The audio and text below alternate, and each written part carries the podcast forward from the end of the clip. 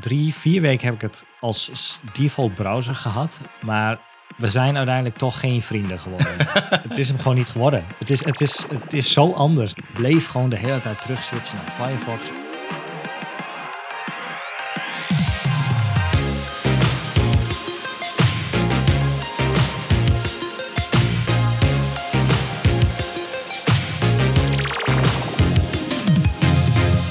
Bij de Pixel Paranormal podcast. Ik ben Mikelle en samen met mijn co-host Rick gaan we alles behandelen rondom UX, UI en frontend development. En ehm, ja, het is eh, 2023, dus eh, mogen we eigenlijk nog eh, de beste wensen zeggen tegen mensen? Kan het nog? ja, ja, we nemen dit op voor de zevende. Het komt alleen later online.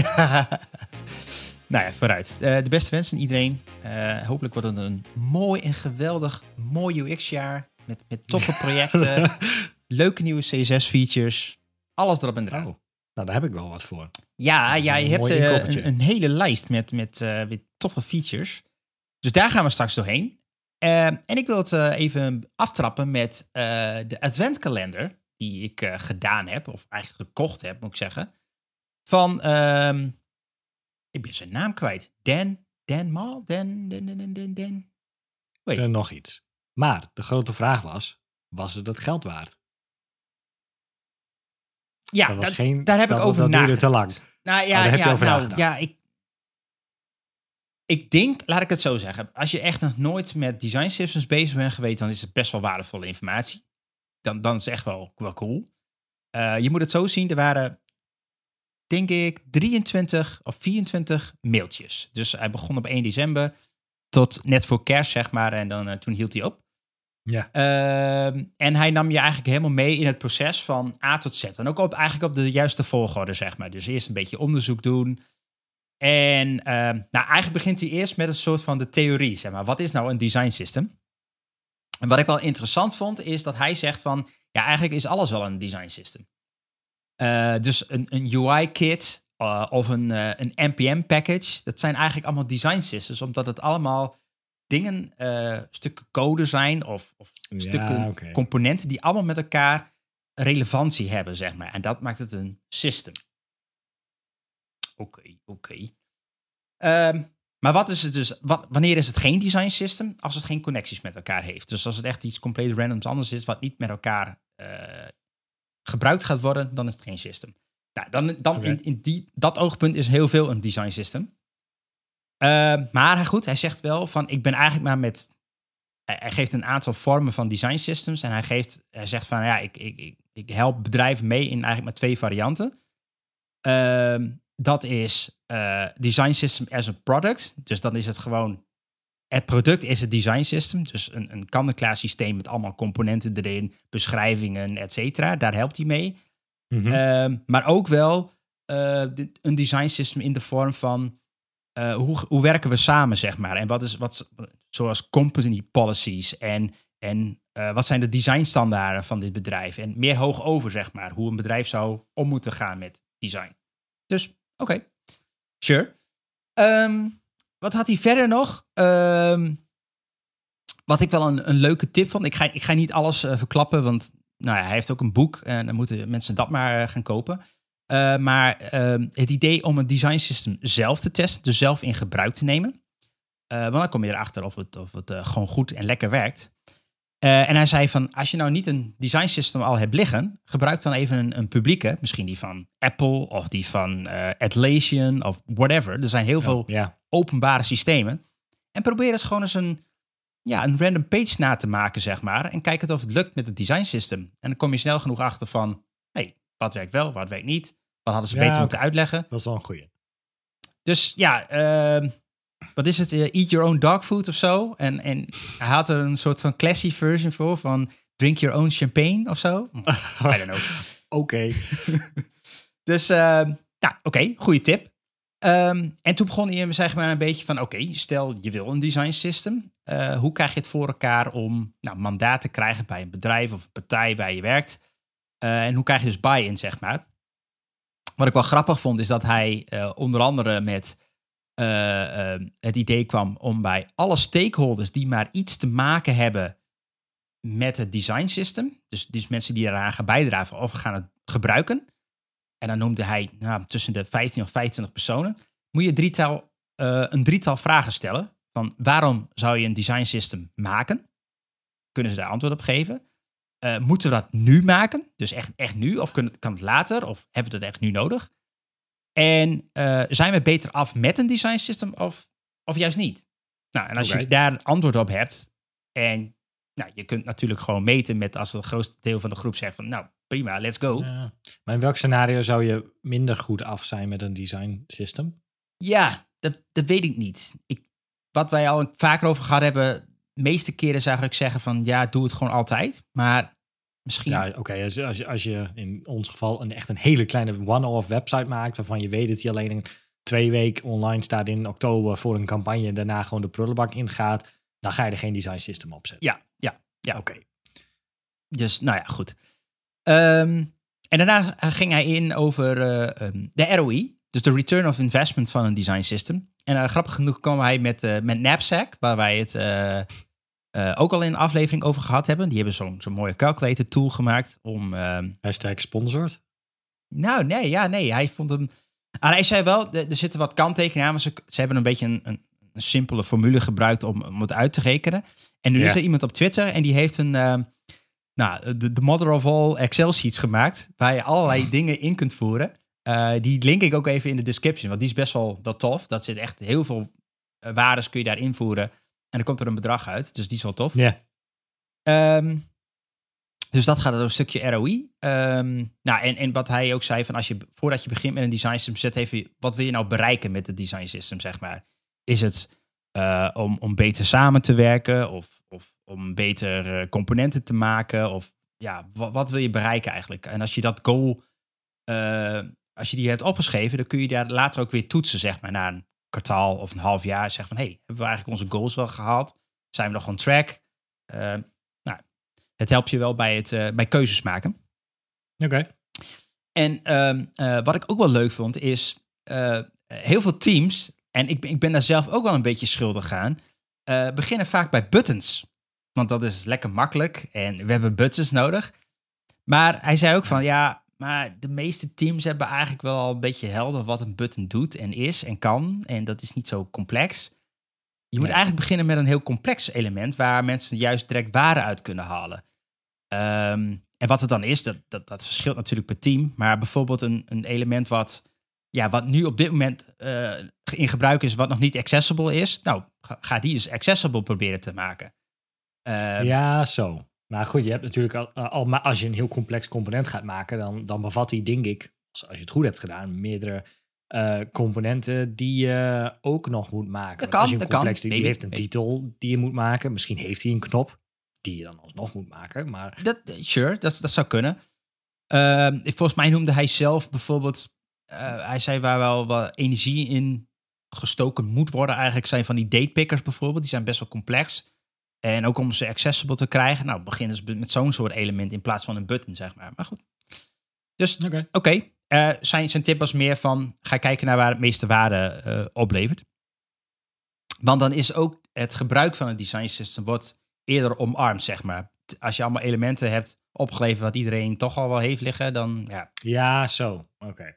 Makes sense. Ehm, nou ja, en toen kwam hij met, met systemen en dingetjes waarin je een design system zou kunnen maken. Dat is ook al, zeg maar, bijvoorbeeld in HTML of in JavaScript. Nou, toen kwam Storybook natuurlijk eh, naar boven poppen.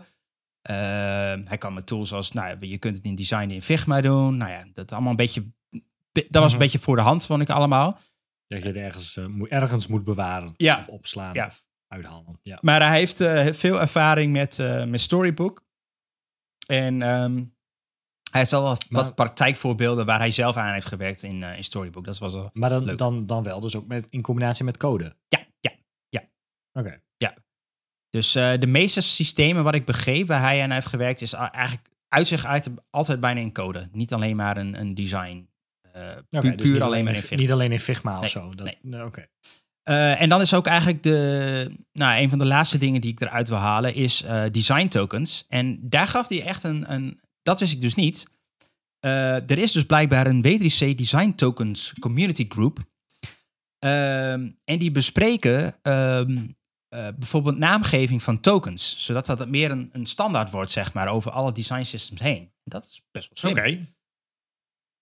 Is Ehm, wel- En, en ook, ook eh, hoe de... Hoe kom ik bij die community?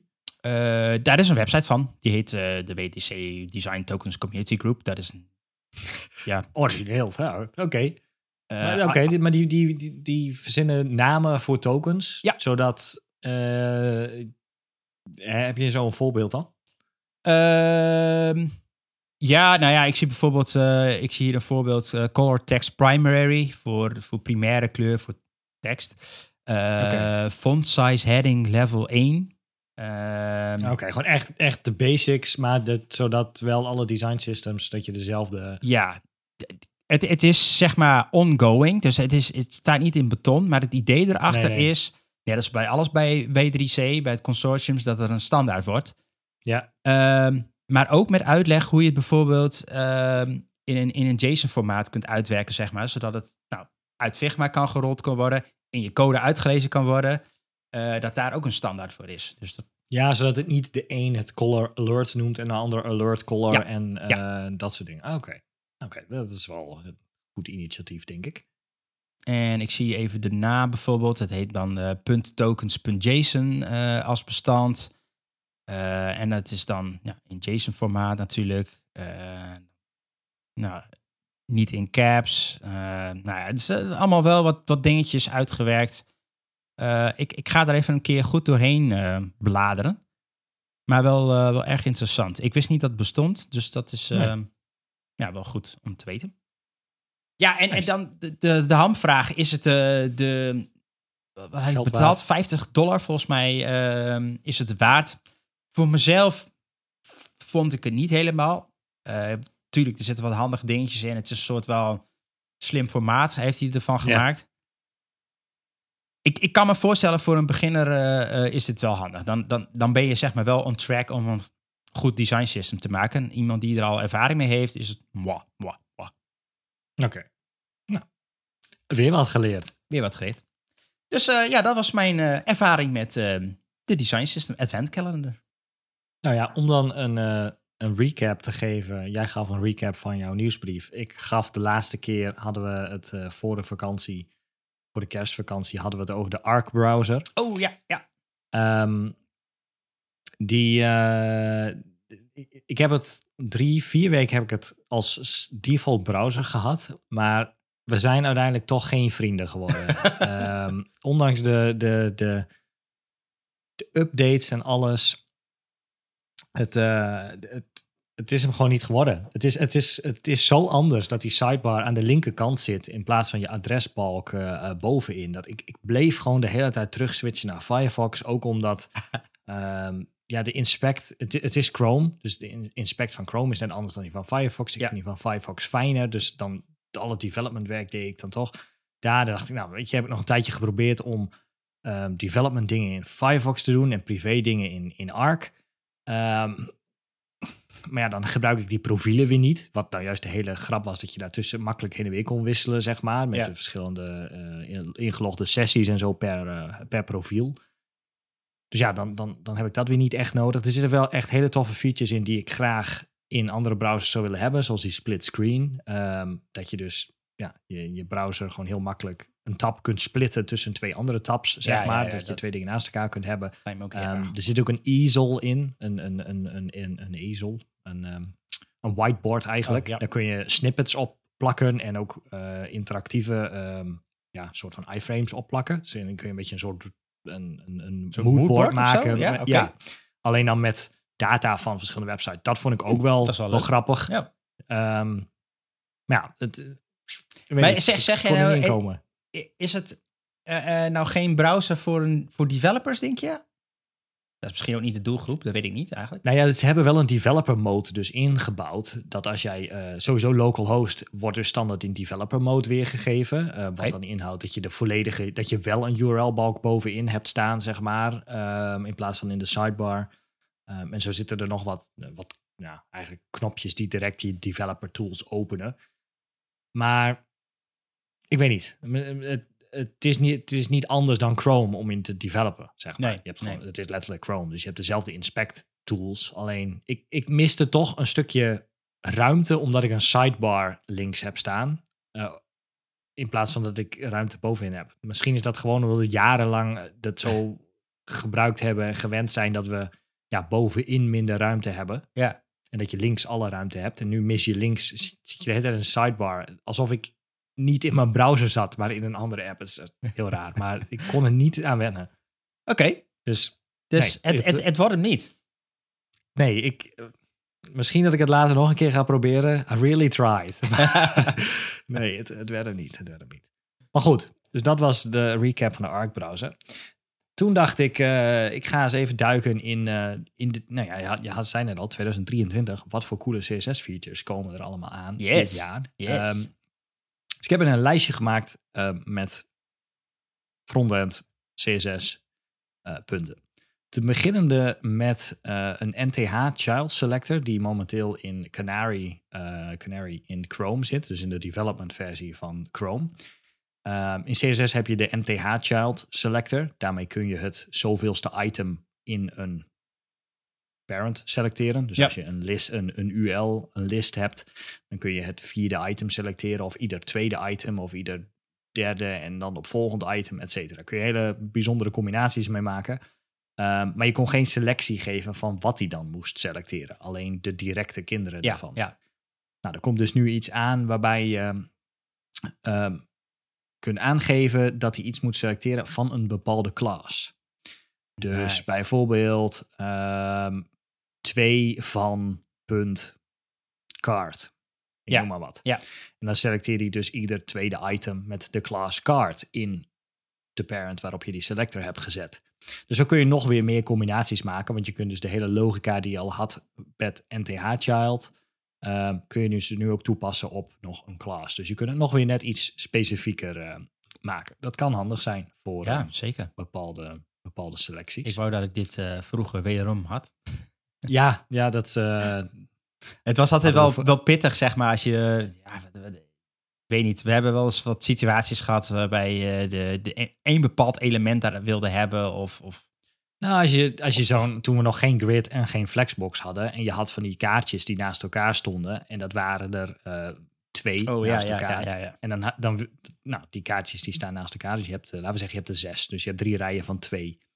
En die moeten een margin aan de onderkant hebben. Dat is prima. Maar op het moment dat het scherm breder is en er staan drie naast elkaar, of op mobiel staan er één om elkaar, dan, dan, nou, dan klopt die margin niet meer. Dan staan die kaartjes tegen elkaar aan, omdat de een geen margin meer heeft. En dan deed je altijd, oh, als het dan de derde plus de een op volgende is, Ja, maar ja. niet de laatste en ook niet de eerste, dan moet hij dit en dat doen. Nou, gelukkig kan dat nu met Grid heel simpel, eh, met, de, met Flexbox ook, maar je kunt voor bepaalde combinaties kun je dus nu deze nieuwe Child Selector straks Nice. ook gebruiken. Nice. Ehm, we hebben het vorig jaar al eens gemeld, maar de, ehm, de DVH, de Dynamic Viewport Height, Ja. eh, is eh, nu ook beschikbaar in alle browsers. Dus eh, Chrome, Safari en in Firefox. Nice. Ehm, wat dat doet, is je hebt natuurlijk 100 VH, viewport height. Dus dat is gewoon de 100% hoogte van de viewport van je browser. Dus dat is vanaf de onderkant van je adresbalk tot aan de onderkant van je beeldscherm. Ehm, dat werkte ook op mobiel. Alleen op mobiel had je het probleem dat je natuurlijk je, navigatieknopjes, ehm vorige bookmarks en dat soort dingen, die onderin staan, eh, als je gaat scrollen, dan gaan die weg. Dan, dan slide die naar beneden. Althans, dat doet hij op iOS, volgens mij ook op Android. En als je terug omhoog scrolt, dan komen die balken komen weer in beeld. Ja. Ehm, het probleem was dat de viewport height, 100, 100 viewport height, die hield daar geen rekening mee. Dus als jij een pop-up maakte die 100% hoogte was van je scherm en je scrolde terug omhoog, dan kwamen die balken in beeld en dan was het pop-upje wat je had gemaakt was dus te hoog omdat die knoppen er opeens overheen eh, vielen. Nou, daar hebben ze dus 100 ehm, DVH's hebben drie values. Je hebt eh, de smallest viewport height, dat is dus met beide balken. Je hebt de large viewport height, dat is eigenlijk de oude. En je hebt de dynamic viewport height en die schaalt dus mee. Dus als Ja. je nu iets een 100 dynamic viewport height meegeeft, dan eh, houdt hij rekening met die balken. Dus dan, eh, Nice. nou, dan schaalt iets, eh, schaalt iets gewoon mee. Dus dat is nu beschikbaar in alle browsers. Dus dat is handig bij het maken van fullscreen dingetjes. Ehm, daarop volgend eh, heeft Chrome ook een wijziging doorgevoerd. En dit is alleen voor Android. Chrome op Android. Ehm, schijnbaar is er nog iets eh, dat heet, even kijken, het heet de ehm, Layout Viewport en de Visual Viewport. Ik eh, was er niet mee bekend, Nee. maar schijnbaar was eh, Chrome op Android de enige van alle browsers. En dan zeg ik alle browsers, want welke browsers heb je nog meer op mobiel? Dat is alleen Safari. Uh, maar schijnbaar vond uh, het Chrome-team dat Safari gelijk had in dit geval. En dus hebben zij hun um, values aangepast. Maar wat het doet is, um, je hebt op je telefoon, als je een browser opent, Chrome op Android, uh, of opende, want het is inmiddels gefixt, dan had je te maken met, een, um, met twee waardes, de layout viewport en de visual viewport. De layout viewport, dat was eigenlijk vanaf de onderkant van je adresbalk tot aan de onderkant van je scherm. Eigenlijk de 100 uh, VH die we net al uh, noemden. Ja. Dat is dus je layout viewport. Maar op het moment dat je uh, een toetsenbord opent, en dit gaat dus ja. alleen voor het toetsenbord, Ja, ja, ja, ja, ja. Dit ging fout. dan, dan, ja, precies. Als je je toetsenbord op Android opende, wat hij dan deed, was de viewport, die dus eerst van de onderkant van je adresbalk tot de onderkant van je scherm liep, die resized die van de onderkant van je adresbalk naar de bovenkant van je geopende onscreen toetsenbord. Dus die viewport die werd minder hoog. Dan denk je, oké, okay, prima, maar wat is het probleem? Op het moment dat jij een uh, element fixed hebt gepositioned, um, Ja. dus die staat ergens vast op je scherm, en bijvoorbeeld aan de onderkant van je scherm, Ja. dus een uh, position fixed met een bottom 0, dan houdt dat in dat als jij op Android um, een toetsenbord opende en je hebt bijvoorbeeld een, uh, weet ik veel, je, je hebt een website en er staat een knopje voeg toe aan uh, winkelwagen. En die knop die staat altijd Ja, onderaan of je scherm. cookie Dus je- bars of whatever. Ja. of een cookie bar, ja, Ja. bijvoorbeeld. Dus je, je bent aan het scrollen en die staat altijd onderaan.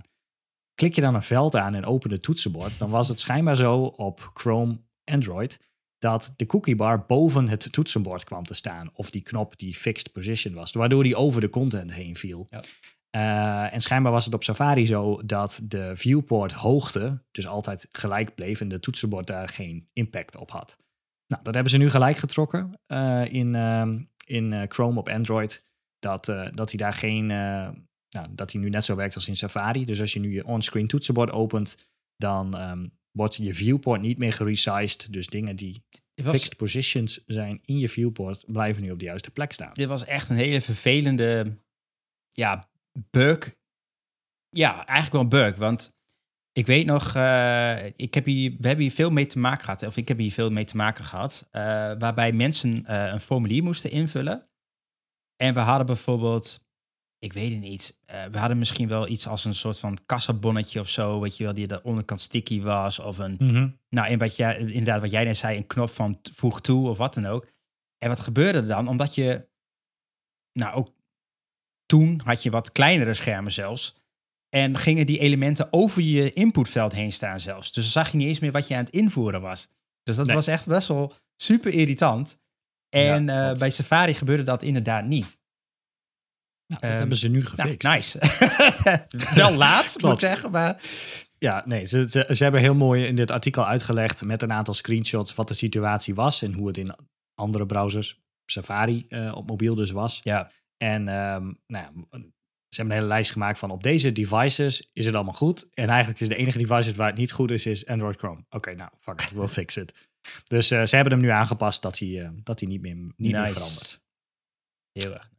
Volgende punt. Ehm, de Media Query Range syntax is, ik wil zeggen, overal beschikbaar. Nee, bijna overal beschikbaar. Eh, want het zit nu ook in de laatste technical preview van Safari. Oftewel, het kan niet lang meer weg zijn. Eh, maar met de nieuwe media queries, media queries in CSS, daarmee kun je zeggen, add media, screen, print, whatever, min with zoveel. Dan gaat hij vanaf een minimale waarde gaat hij iets doen, of een maxima, tot een maximale waarde Ja. eh, laat hij een bepaalde media query staan. Maar met de range syntax kun je twee waarden opgeven. Of dat, dat kon je ook al. Je kon ook al media screen, min width en max width ja. opgeven. Maar je kunt het nu in één, eh, ja, in één syntax eh, doen. Oké. Dus je, kunt, je hoeft niet meer op te geven min width 600 pixels. Je kunt nu gewoon width is groter of gelijk aan 600 Oh, ja. pixels. Met die, met die, Dus hij- eh, eh, met die tekentjes. Met die, ja, precies. Ja, bij ik, weet hoe, Nou, nee. ik weet even niet hoe die tekentjes heten. Het grote en inderdaad, kleine danteken. Precies. Een beetje wat je ook in eh, de, eigenlijk de shorthand van een if statement Ja. in, eh, Ja. in JavaScript. Nou, daarmee kun je dus nu ook media queries Oké, maken. Dus in plaats van dat je volledig hoeft uit te schrijven min width 400 pixels Dat en max chill. width 1000 pixels, kun je nu gewoon 400 pixels kleiner dan width 1000 pixels. Dat, is- dat is wel chill. Dat is wel chill. Ik zet het artikel in de show notes en dan, of jij zet het artikel in de show notes, want dat doe ik helemaal nooit. Haha. maar ehm, nee, dus dat komt eraan. Dat is niet iets wat je niet nu al wel kunt doen, maar Nou, maar maakt het net even makkelijker. Dan las ik een artikel van het Chrome Development Team, die met een oplossing zijn gekomen voor het Z-index probleem. En het Z-index probleem. Het Z-index probleem. Precies. Het Z-index probleem. Iedereen heeft er wel eens last van gehad. Iemand heeft een keer iets gemaakt en dacht: fuck it, Z-index 99999. Let's go. Ja, precies. En jij hebt vervolgens iets gemaakt en denk: oh, 9999 erachter. Ja. Eh, en dan op de duur is het, eh, dan kan je niet hoger. En dan is het maar gewoon wie als laatste in de HTML stond, die staat bovenaan. Nou, super onhandig. Ehm, en daar hebben ze nu iets voor gemaakt. Alleen ik kan hier dus nergens in vinden of het nou al een bestaand feature is. Of dat er een, een idee is. De, schijnbaar werkt het in Chrome al. Maar ik kan het nergens op can I use of zo vinden. Maar eh, hun proposal is een, eh, het heet top layer.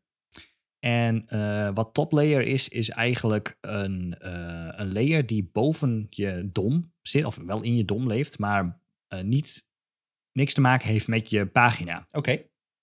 Dus dat inhoudt dat hij altijd boven de hele website zweeft. En je kunt daar dingen met JavaScript in pushen, eigenlijk. Het is dus eigenlijk een, een, ja, een, een element, een, iets wat boven je, boven je DOM zweeft. Je kunt Ja. daar gewoon met JavaScript dus in die top layer eh, iets, een, een nieuw element pushen. En die komt altijd bovenaan te staan. Wat inhoudt dat je dus nooit meer hoeft te vechten om z-index dingen. Dus zelfs als iets op de pagina een z-index van 9 miljoen, wat is het, 999.000 heeft, ehm, dan heeft een whatever pop-up of zo, jij hebt in die z-layer hebt, eh, of die top-layer hebt gezet, staat er altijd boven. Ja. Voeg je dan nog een nieuw eh, pop-up toe in diezelfde layer, dat, dat komt natuurlijk meestal niet voor, want je hebt maar één pop-up open. Ehm, maar goed, als je nog een tweede toevoegt, dan is die als tweede in die toplayer en dan staat die weer boven de eerste in de toplayer. Oké. En die hele oké. toplayer die kan gebruik maken van het dubbele punt, dubbele punt backdrop eh, pseudo-element. Ja. Dus die kan een zwarte overlay, Ja, fade, precies. whatever hebben.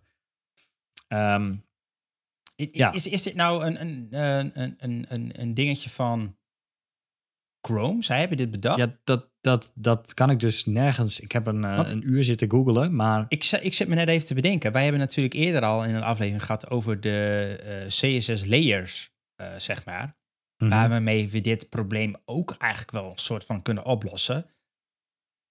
Dan heb je in ieder geval meer Ehm, regie over Ja, wie doet wat, zeg maar. Ook als je third-party CSS binnenhengelt, Ja. dat zou je een Ja, aparte je, kun- je layer kunt inderdaad, doen. ja, zou je een layer Ja. maken die je models noemt. En als je daar iets in, in dan staat hij altijd bovenaan inderdaad. Ja, Ehm, maar is dat zo? Nee, dat is niet zo. Toch? Want als jij een element hebt die in een andere layer zit, maar wel een z-index van 99999 heeft en iets in jouw laatste ehm, CSS-layer heeft een z-index van 1, staat die andere dan alsnog erboven. dat, dat, dat, is, dat is zeker waar. Dat is zeker waar. Alleen je hebt misschien wel iets meer regie natuurlijk over gelaagdheid en wie komt wanneer en, en dat. Dus, dus ja, oké. Oké, ja. Ik, ja, ik, ik snap waar ze naartoe willen. Ik kan me voorstellen dat je, weet je, ik merk wel dat websites doen steeds meer met, eh, ja, ik zeg models, maar ook met dingen als notificaties, dingetjes en wat meer Mhm. applicatieve elementen, zeg maar. En, en dat je daar zo'n layer voor wilt inzetten, dat is niet zo heel raar. Ja, nou ja, ze noemen het in ieder geval top layer. Ehm, het leeft dus buiten je, je document. Dus het heeft daar niks mee te maken. Het staat altijd erbovenaan en je kunt er ehm, ja, dingen in pushen en die staan dan vervolgens daar weer boven. Ehm, ik, ik heb gekeken, ik kan het niet vinden de- in de dialog specs. Ik kan het ook niet vinden op MDN. Ik kan er ook niks anders over vinden. Maar het is een ja, blogartikel over eh, Meet the top layer a solution to a z-index. Ehm, Huh, dus ik vond het wel een goed idee op zich. Het, de, het voordeel hiervan is dat je, en dat is het probleem wat zij ook willen oplossen, dat je als laatste element in je HTML eh, zo'n standaard model eh, div bouwt, die gewoon leeg is, die je dan aan kunt roepen en vullen, wat, wat eigenlijk nu de gebruikelijke Ja. oplossing is. Dus dan staat daar weer zo'n zinloos ding en zo. Nou ja, die kun je dan dus nu pushen in een True. top layer, die dan niks met je ja, oké, oké. Ik, ik, ik zie hem wel. Ik zie hem wel. En schijnbaar heeft Chrome DevTools ook al support voor. En dus als je dan in die top layer dingen inspect, dan zie je ook dat die in een top layer zit. Nou, Maar heb je... Ja, nou oké. Je, je kunt daar weer helemaal losgaan met layers natuurlijk. Ja, maar je kunt daar, Z-index heeft daar geen, ehm, Oh, oké. geen waarde. Oké. Dus het is letterlijk gewoon het laatste element dat jij eigenlijk, als jij een model aanroept en jij pusht dat ding naar die top layer, dan is hij de laatste Juist. in de top layer. En dan staat hij bovenaan, punt. Juist. Oké. Dus, ehm, Oké. En schijnbaar gaat hij weg als je bijvoorbeeld op een model.close, weet je, model, de nieuwe ehm, native Ja. model, als je die op close doet, dan sluit je hem ook uit je, verwijder je hem ook uit je top layer. Dus, Oké, oké. dus als je dan, eh, hun voorbeeld was, je hebt een model en als je in de model klikt op iets wat nog een model opent, dan heb je twee models in je top layer. En als je dan klikt op het kruisje, dan sluit je ze eerst de laatste en dan de vorige die open stond uit je top layer. Nou, Op zich is dat wel nice, want dat, dat spul wat, wat je nu allemaal noemt, dat moest er voorheen best wel eh, allemaal zelf coden eigenlijk. Eh, dus dat je netjes je, de, de, de juiste model sluit. en Nou, sowieso, die, sowieso natuurlijk, we hebben wel over gehad, die dialogue. Ja. Dat, die is, ehm, dan moet ik even snel speaker of dialogue inmiddels. ehm, Ik weet nog niet, volgens mij is de support nog niet helemaal compleet, dacht ik. Of wel? helemaal rond. Native dialogue element, helemaal groen, across Oh. the board. Wauw. Nice. Dus je kunt, in, die, ka- die kunt inderdaad het native dialogue element gebruiken met een backdrop. En die zou je dan dus schijnbaar in Chrome ook in een top layer kunnen zetten. Oké. Oké. Het, ehm, ik ga hier onderzoek naar doen en ik laat de volgende keer weten of dit ook ergens anders werkt. Ja, is goed. Is goed. En dan het laatste punt is dat de container queries, ook al vaak benoemd, bijna overal zijn. Hij is namelijk gisteren ook in Firefox Developer Tools. De Firefox Developer, weet ik veel. Ja, de, de, de developer versie van Firefox. Ja, Ja. de developer versie van Firefox Ja, ja, ja. Wat inhoudt dat hij over een versie of 1, 2, waarschijnlijk ook ehm, in de Ja, laatste versie van Firefox zit. En dan happening. ook de container queries zijn helemaal rond. Nice.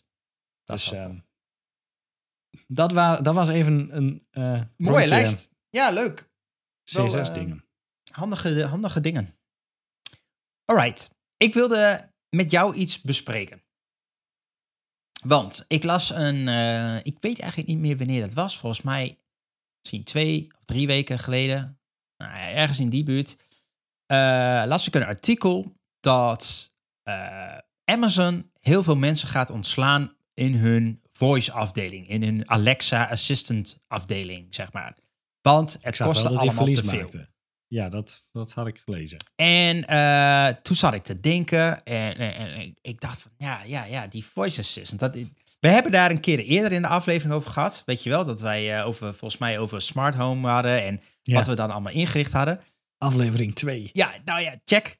Ehm, ik ben inmiddels eh, overgestapt naar, eh, naar Google sinds een halfjaartje. Ik had hiervoor Alexa. De reden was dat ik Alexa op, het, op een gegeven moment een beetje...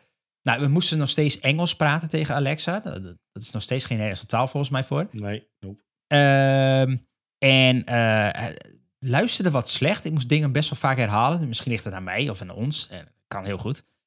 Ehm, en ik dacht van, nou, ik, ik, wil, ik wil wel naar, naar Google. eh, omdat die heeft ook wat, wat andere devices. Bijvoorbeeld de Google Home Nest. Ja, die namen van hun zijn echt ruk. Maar dat is zo'n klein tabletje met een speakertje erin, zeg maar. Die je gewoon Oh, ja, ja, ergens ja. neer kunt zetten.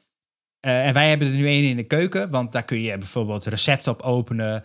Video's Oh, op kijken. Of boodschappen. Digitaal fotolijstje. Ja. Dus, eh, nou, dat. Maar ik zat zo te denken. Hè. Ik, hoe lang heb jij eh, Alexa al, denk je? 2017, denk ik. 17, 18. Ja. Zoiets, ja. Die heb, ik ik heb dat ding toen uit Duitsland gehaald. Ja. Want je kunt ze in Nederland nog steeds niet bestellen, denk ik. Want hij spreekt niet Nederlands, dus kun je ze niet bestellen. Maar wel Duits, dus geen idee. Ik heb hem bij een Duitse eh, mediamarkt gehaald, volgens mij. Check. En eh, ja, nou ja, ik ook ongeveer zoiets. Volgens mij ben ik iets later dan jij. eh, ik heb er toen een keer een van, van via werk ingekregen. En, en nou, nou, dat is toen uitgebreid. En nu heb ik, ben ik overgestapt naar Google. En Sonos ondersteunt die dingen allemaal. Eh, maar toen zat ik te denken eigenlijk, hè. Is, het, is dat ding nou beter Nee. geworden of niet? Nee, Nee, hè? nee, nee, nee. Dat, maar dat begon al met, ik, was, het begon met volgens mij Apple, met Siri. Ja. eh, jaren geleden. Ja. iPhone 4 of zo. Holy shit, je kunt tegen dat ding praten en dan doet hij allemaal dingen. Nou, dat werkt dan voor geen meter. Dat duurde sowieso al drie jaar voordat hij het Nederlands kon. ja, ik, ik gebruik Siri eigenlijk nooit. Nee, ik ook niet. Echt zeer zelden om eh, eh, te vragen van welk nummer dit is. Want dan weet ik dat hij gaat shazammen. En ehm, om een timer te zetten. Als ik mijn handen Oh, ja. vol heb of zo. Ja. Eh, dat is echt het enige waar ik Siri voor gebruik. Eh, Alexa om te vragen wat het weer is. Om de lampen aan en uit te doen. En wat andere basic dingen. Ja. Maar 9 van de, of nou, ik wil niet zeggen 9 van de 10 keer. Maar eh twee van de 10 keer dan snapt ze hem opeens niet. Weet je, hetzelfde commando wat ik al honderdduizend keer heb geroepen. En dan opeens dan geen idee, snapt ze het niet, doet ze het verkeerd of, of zoiets dergelijks. En het is inderdaad alleen nog in het Engels, ehm, vijf jaar later. Maar ja, op het moment dat Amazon inderdaad verlies leidt op hun voice ding. Want volgens mij was het idee van Amazon van ja, nee, dan gaan mensen allemaal snel boodschappen doen. Juist. Door gewoon te roepen van oh, Juist. voeg maar eh, melk toe aan mijn boodschappenlijst. En Ja. dan komt opeens de Amazon chauffeur voorrijden met een pak melk. Ik- ik- ik- Ja, dat, dat was volgens mij het idee van, van, nou, van zowel Google als van, van Amazon. eh, van hey, wij kunnen. Het is gewoon een ander mediakanaal en daar kunnen we geld aan verdienen. Daar kunnen we misschien ads op doen, daar kunnen we producten mee verkopen, whatever.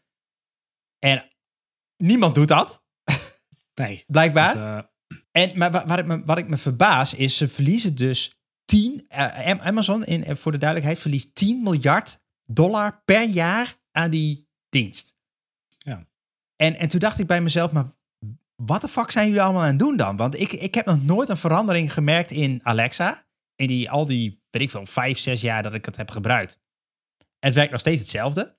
ja, ja, die app is een paar keer veranderd, maar Ja. that, that's it. De apps zijn nog steeds allemaal half. Ja. Het, het is alleen zo, zelfs nu zo dat hij. Want ik had twee Nederlandse Alexa-apps in de Alexa Store staan, die ik zelf had gemaakt Ja. voor, eh, van BNR voor het eh, laatste nieuws. Oh ja, ja, ja, ja. Ehm, daarvan hebben ze nu eentje verwijderd, want die wilde ik updaten, omdat BNR de, de, de stream had geüpdate. Dus ik moest die, die link updaten, dus ik moest die app updaten. Is hij afgewezen omdat hij geen Engels spreekt? Nee, no shit, het is een Nederlandse app. Ja. Dus ik, dat heb ik geappeeld, maar die is gewoon afgewezen. Van nee, dit is een niet-Engelse app, dus die staan we niet toe. Ja, wat fuck. En volgens mij, en ik gebruikte ook de NOS-app, maar de laatste keer dat ik vroeg om het nieuws, toen deed hij de NOS-app deed hij ook niet meer. Oh jee. Dus ik heb een vermoeden dat Ja. ehm, ze die dingen eruit hebben gehaald. Maar goed, Zo, eh, Ja, ik, ik, was er een beetje over na aan denken. En eh, vanuit, vooral uit, vanuit een UX-perspectief, zeg maar. Wat, waar ik me eigenlijk het meeste over verbaas is... je kunt er eigenlijk nog steeds niet fatsoenlijk mee praten. Je geeft eigenlijk gewoon commando's en het geeft een antwoord terug. Ja, en- het is geen, geen chat GPT. Nee, nee. En, en dat, dat hoe kan, hoe kan zo'n dienst zo duur zijn... waar ik eigenlijk nu wel de verwachting heb na vijf, zes jaar... dat je er gewoon als een natuurlijk persoon mee zou kunnen praten. Maar dat is gewoon niet zo. Het is Nee, gewoon bij verre van. niet. Het, het, is, het is inderdaad, hij vangt een keyword op en dan op basis daarvan, soms dan wil ik de lampen in de woonkamer aandoen en dan zeg ik het in de verkeerde volgorde Juist. en dan zegt hij, begint hij opeens over Wikipedia-artikelen, Ja. over weet ik Ja. veel wat. Nee, dat is totaal niet wat ik, Ja, en, wat ik wilde. Ja, ja ik, ik, en ik snap dat gewoon niet, zeg maar. Waarom, wa- hoezo is dat zo moeilijk? En, en ik, ik weet nog dat eh, het Voice was toen echt een hype van oh, dit, wordt de toekomst. Maar ik, ik zie het eigenlijk steeds verder afbrokkelen. Ik vind eigenlijk dat ze allemaal niet echt geïnnoveerd meer hebben. Dus of het nou Nou ja, serie is. Als je, het nu toch, als je nu Of- toch voice aan ChatGPT koppelt, als je die, Ja. als je, als je, ja. Dat je, zou mooi eh, zijn. wat is het, voice to text, dat bestaat, dat werkt top. dat werd goed. in tegen ChatGPT aangooit. En je doet text-to-voice in een Microsoft SAM, Siri, Stem, whatever terug. Nou, Ja. dan kom je wel met een redelijk antwoord. Ja, in ja, ieder geval. Een, een, een Nederlands grammaticaal correcte zin ik- komt hij eh, ja, ik ben wel benieuwd. Wat, wat gaan die grote partijen nou doen? Want ze, ik, ik hoorde dus dat Google gaat ook eh, eh, snijden in personeel en, en, en diensten af laten vloeien. Want het blijkbaar kost het allemaal te veel geld. Wat ik jammer vind is... Nou, bij Google is het gewoon een compleet gesloten platform volgens mij. Daar kun je helemaal geen extra dingen op ontwikkelen. Nou, Amazon liet het dus nog wel toe. Die had wat extra service, zoals wat jij net zei. Oh, je hebt in, in Google Home heb je geen, eh, geen apps voor NOS-journaal of dat Nou, soort eh, laatste dingen? Nee, niet, niet, niet, niet op de manier zoals volgens mij Amazon dat aanbiedt. En volgens mij Siri ook helemaal niet. Eh, Nee, daar kun je helemaal niks mee. nee. Dus het is best wel gesloten. Wat me ook een beetje verbaast eigenlijk is, het is, nou ja, nee, dat verbaast me niet, maar het, het zijn hele gesloten systemen. Dus eh, je moet, als je Google neemt, moet je het hele ecosysteem van Google hebben. Eh, Siri is alleen maar op Apple en Amazon, dat is dan nog wel eigenlijk soort van de Cross-platform. cross-platform-achtig, maar dat kun je weer niet in, in web doen of zo. Dus Nee, not sure. Nee, maar het, het idee was er vroeger ook volgens mij een beetje dat je, je, je roept wat tegen een assistent. Eh, je kunt op je mobiel verder. Je kunt misschien op je desktop in je browser weer, weer wat oppakken. Weet je wel, het is allemaal cross-mediaal zou het moeten zijn, maar dat is het allemaal niet. Dat, Dat is nog niet... eh, nee, nee. nee het, het, is eigenlijk best wel dom allemaal. Ik, ik weet niet, ik vind het eigenlijk allemaal niet zo super smeel, slim.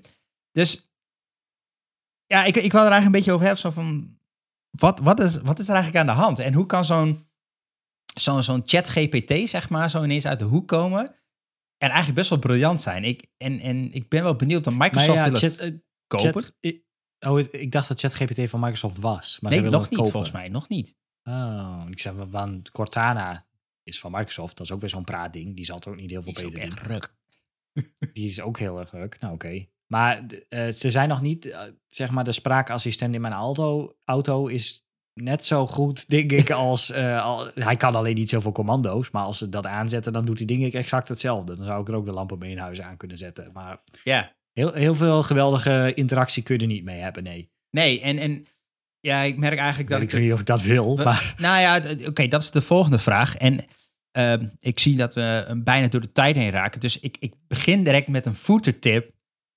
Eh want ik zit eraan te denken om gewoon afscheid te nemen van al die, die, die systemen, zeg maar. Die, die, die grote van Google. En eh, leuk dat ze mijn data hebben van de afgelopen zes jaar. En Amazon en bla bla bla. Maar als ze niet doorontwikkelen, dan... Ja, eigenlijk doe ik niet veel meer mee dan lampen aanzetten, lijstjes maken. Eigenlijk best wel basic shit. Ja. En Ja, nee, same. Dat, dat, eh, Ehm, dat heb ik ook. mijn tip is dus, eh, ik heb Home Assistant, maak ik gebruik van. En die zijn Mhm. nu bezig met een partij, dat heet Raspy. En eh, dat is een soort van open source voice assistant eigenlijk, waar je zelf commando's in kunt schrijven. Oké. En, en nou, dit, eigenlijk wat jij net zei, het is een beetje, zeg maar, nou, speech to text, zeg maar. Dat is wat Moet je dan alles onder water doet. zelf schrijven? Ja, ik weet niet of er al, of die standaard al met dingen komt, eigenlijk. Dat, dat durf ik niet te zeggen. Maar op het moment dat ik dat kan installeren, want ik heb ook Home Assistant. Ja, weet je, het, het enige wat ik wil weten is, ik wil mijn lampen aan en uit doen. Ik wil weten wat het weer is. Als ik toevallig naar buiten moet, dan roep ik altijd even, yo, gaat het regenen of zo? Ja. Dat soort dingen. Ehm, het nieuws. Regelmatig dan roep ik tegen de ding, yo, wat is het laatste nieuws? Dan speelt hij het bandje van het laatste NOS-journaal af. Ja. Top. Meer wil ik niet weten. Nou ja, Dat goed. zal- Maar ja, als, als dat het is, dat, dat zou je denk ik heel goed met Home Assistant dus kunnen doen. Die Raspy. Nou, die kunnen dan vast ook wel weer iets bouwen. Dat als je wel een to-do-list wil bouwen of een boodschappenlijst, dat hij dat kan zinken alsnog weer met, een, eh, met je Chrome Ja. eh, of eh, met je Sure. Google-account of Ja. zo, somehow. Dus nou ja, Nee, ik, dat, ik, ik zit daar een beetje nu aan te denken van ah, als het toch zo dom blijft en, en ze gaan er niet meer verder investeren, waarom zou ik er dan op blijven? Maar goed, nou, dat, goed dat was mijn, mijn tip. Dus Raspy. Tip komt uit- slash rand. Ja, tips as rant inderdaad. Eh. Oké, nou ja, dat uh, enig idee wanneer dit van Home Assistant... eh, Eh, dus daar zijn ze nu druk mee bezig. En, en nou ja, Raspberry bestaat al, maar het, het, krijgt het. Of is het al? Nee, het is al geïntegreerd zelfs in Home Assistant, zo te zien. Maar volgens mij wordt het nog wel uitgebreid in hoe het werkt met meerdere talen, zeg maar. Maar je kunt, zou er ook gewoon Nederlands tegen kunnen praten. Dus Oké. eh, ja, wel cool. Nou ja, ik heb mijn, mijn tip is nog, is nog niet echt een tip. Het is een tip in wording, eh, denk, ik. Eh, laat ik beginnen met een vorige tip die ik ooit gaf. Of een tip, ik weet niet. Ik heb het ooit een keer gehad over een AirTag. Dat ik zo'n ding had gekocht Ja. voor de lol. Eh, nou, ik was op vakantie. Ik dacht, fuck it. Nou ga ik mijn AirTag gebruiken ook. Nou, en wellicht mijn koffer moest in het ruim. In plaats van in de overhead dingetjes. Oké. Dus daar ging mijn koffer. En dan zit je in het vliegtuig. je, oh, gaat hij mee? En dan verschijnt mijn AirTag opeens onder mij in het vliegtuig. denk ik, nice, hij is toch aan boord gegaan. En dan ben je op het vliegveld en dan zie je inderdaad van... oh, waar is hij, waar is hij? Oh, hij is nog in het vliegveld. Oh, oh, oh, hij is nu halverwege op het vliegveld. Oh, hij is nu vlak bij de bagageband waar ik sta inderdaad. En dan tada, Nice. verschijnt hij op de band. Nou ja, niet heel spannend, maar Wel leuk. dat, is mijn, dat was mijn use case tot mijn, tot mijn AirTag tot nu toe. Nee, mijn andere tip is weer iets eh, speelgoed dat ik gekocht heb, wat nog eh, onderweg hierheen is. Dat is een Flipper Zero. Ehm, ik wist niet van het bestaan tot een week geleden. Ehm, alleen ik was in Spanje en daar had ik een metrokaart die uit een automaat rolde. En die, daar zat NFC in en die kaart was van karton. En die kostte een euro, zeg maar. Dus als je een, ehm een metrokaartje koopt, dan betaal je 1 euro voor een reusable eh, metrokaart. Wat wel, van karton, wat wel cool is. Netjes. In plaats van dat je allemaal van die kartonnen of van die, van die papieren dingetjes hebt of zo, Ja, ja, ja. heb je iets dat je kunt opwaarderen. Dus die kun je ook weer tegen, die, tegen de apparaat aanhouden met NFC en dan kun je er weer geld op zetten. Dus ik was heel gefascineerd hoe dat dan werkte. Ehm, en toen ben ik in de magische wereld van NFC en RFID-tags gekomen en zo, hoe dat dan allemaal werkt. Net als je hotelsleutel en je, nou, you name het Ja, allemaal, ja. Je, je deurdruppel. En die dingen kun je schijnbaar klonen. Dus eh, toen dacht ik, oh, dat is leuk, dat moet ik proberen. Dus eh, toen eh, met een oude Android-telefoon gekeken of je die dingen kunt klonen. Nou, dus ik kan mijn laadpas, kan ik gewoon er tegenaan houden en dan decrypt hij die keys. En dan heb ik opeens nog een laadpas. En dan kun je die ergens heen schrijven op allemaal van die druppels. Dus toen kwam ik opeens Nice. ergens uit bij een Flipper Zero, heet het. Het is een soort van Tamagotchi-style-achtig apparaatje. Dat is echt heel funky. Ehm, waar schijnbaar vijf eh, verschillende zenders ingebouwd zitten. Dus een infraroodzender, een RFID-zender, een NFC-chip, eh, een iKey laser en nog, eh, nog iets anders, een sub-gigahertz ehm, Oké. meter. En daarmee kun je eigenlijk van alles en nog wat emuleren. Het is eigenlijk een soort multifunctionele afstandsbediening die tevens kan lezen, decoden en uitzenden. Dus je kunt er ehm eh, garagedeuren mee openen. Als je uiteraard de officiële sleutel hebt die je dan het signaal kunt, onder, on- eh, kunt uitlezen. Ehm, je kunt er dus je, je, in mijn geval, ik wilde mijn afvalpas, want ik heb één zo'n afvalpas van de gemeente. En je kunt Ja. niet twee krijgen. Ik dacht, nee, dat, dat, dat kan vast. Dat kan vast. En dat kan. Eh, als ik hem heb, in ieder geval. Dus ik, ik heb inmiddels van alles en nog wat onderweg. Ik ben heel benieuwd. In de volgende aflevering heb ik hem vast. Om te kijken wat ik er allemaal mee kan. Nice. Je kunt het ook, er zit ook een hele database in met universele infrarood eh, dingen. Dus je kunt er... eh, Voor, voor afstandsbediening bijvoorbeeld klonen of zo. eh. nou ja, die zitten dus allemaal... Mensen die, eh, die het ding hebben, die hebben dus allemaal verschillende afstandsbedieningen en apparaten ingescand. En dat geüpload naar hun database. Oh. En dat zit weer in die firmware updates. nice. Dus je kunt, als je de video's online bekijkt, je kunt, je weet veel, je loopt in een, ehm, eh, in een winkelcentrum en dan staan van die hele grote informatiezuilen met zo'n beeldscherm erin. Kun je gewoon aan en uitzetten op een andere zender. die- You name it. Gewoon in de, winkel, zeg maar in de winkel of de bowlingbaan kun je de televisies aan en uitzetten. Allemaal van dat soort dingen. Oh. Kun je ze allemaal daarmee eh, mee doen. Dus eh, moet je niet doen hoor. Maar dat kan wel. Dus ik ben heel benieuwd. Hij is onderweg. ah, cool, cool. Ja, we ons maar up-to-date daarover. Ik ben wel nieuwsgierig. Ik ook. Nice. Ik ook. Alright. Nou, dat was, eh, was deze aflevering alweer. De eerste aflevering van dit jaar. Ehm, mocht je deze aflevering nou op eh, ergens horen en denk van, nou, frek, daar wil ik nog wat meer van horen. Dat kan. Je kan dus op ons abonneren. Eh, we zijn te luisteren in alle podcast-apps die je maar kunt bedenken. Spotify, Google, Apple Music, Whatever. Amazon, wherever, overal. We nemen dit ook op qua beeld en dat eh, staat op YouTube. Dat kan. En wil je nou Telegram kanaal. Juist. Wil je nou met ons praten? Wil je eh, de laatste updates krijgen? Of eh, inside info? Of sneller aan tips komen? Dan moet je even op Telegram komen. Praten want met andere mensen die ook eh, dingen delen. Ja. dat kan. daar wordt heel veel gedeeld. Dus je bent welkom. Zoek dan even naar Pixel Paranoia. En anders ga naar de... Als je bij ons een keer mee wil praten, mag ook. Ga dan even naar pixelparanoia.com. En laat even een berichtje achter. Wil ik nu zeggen. Tot de volgende keer. Tot de volgende keer. Hoi hoi!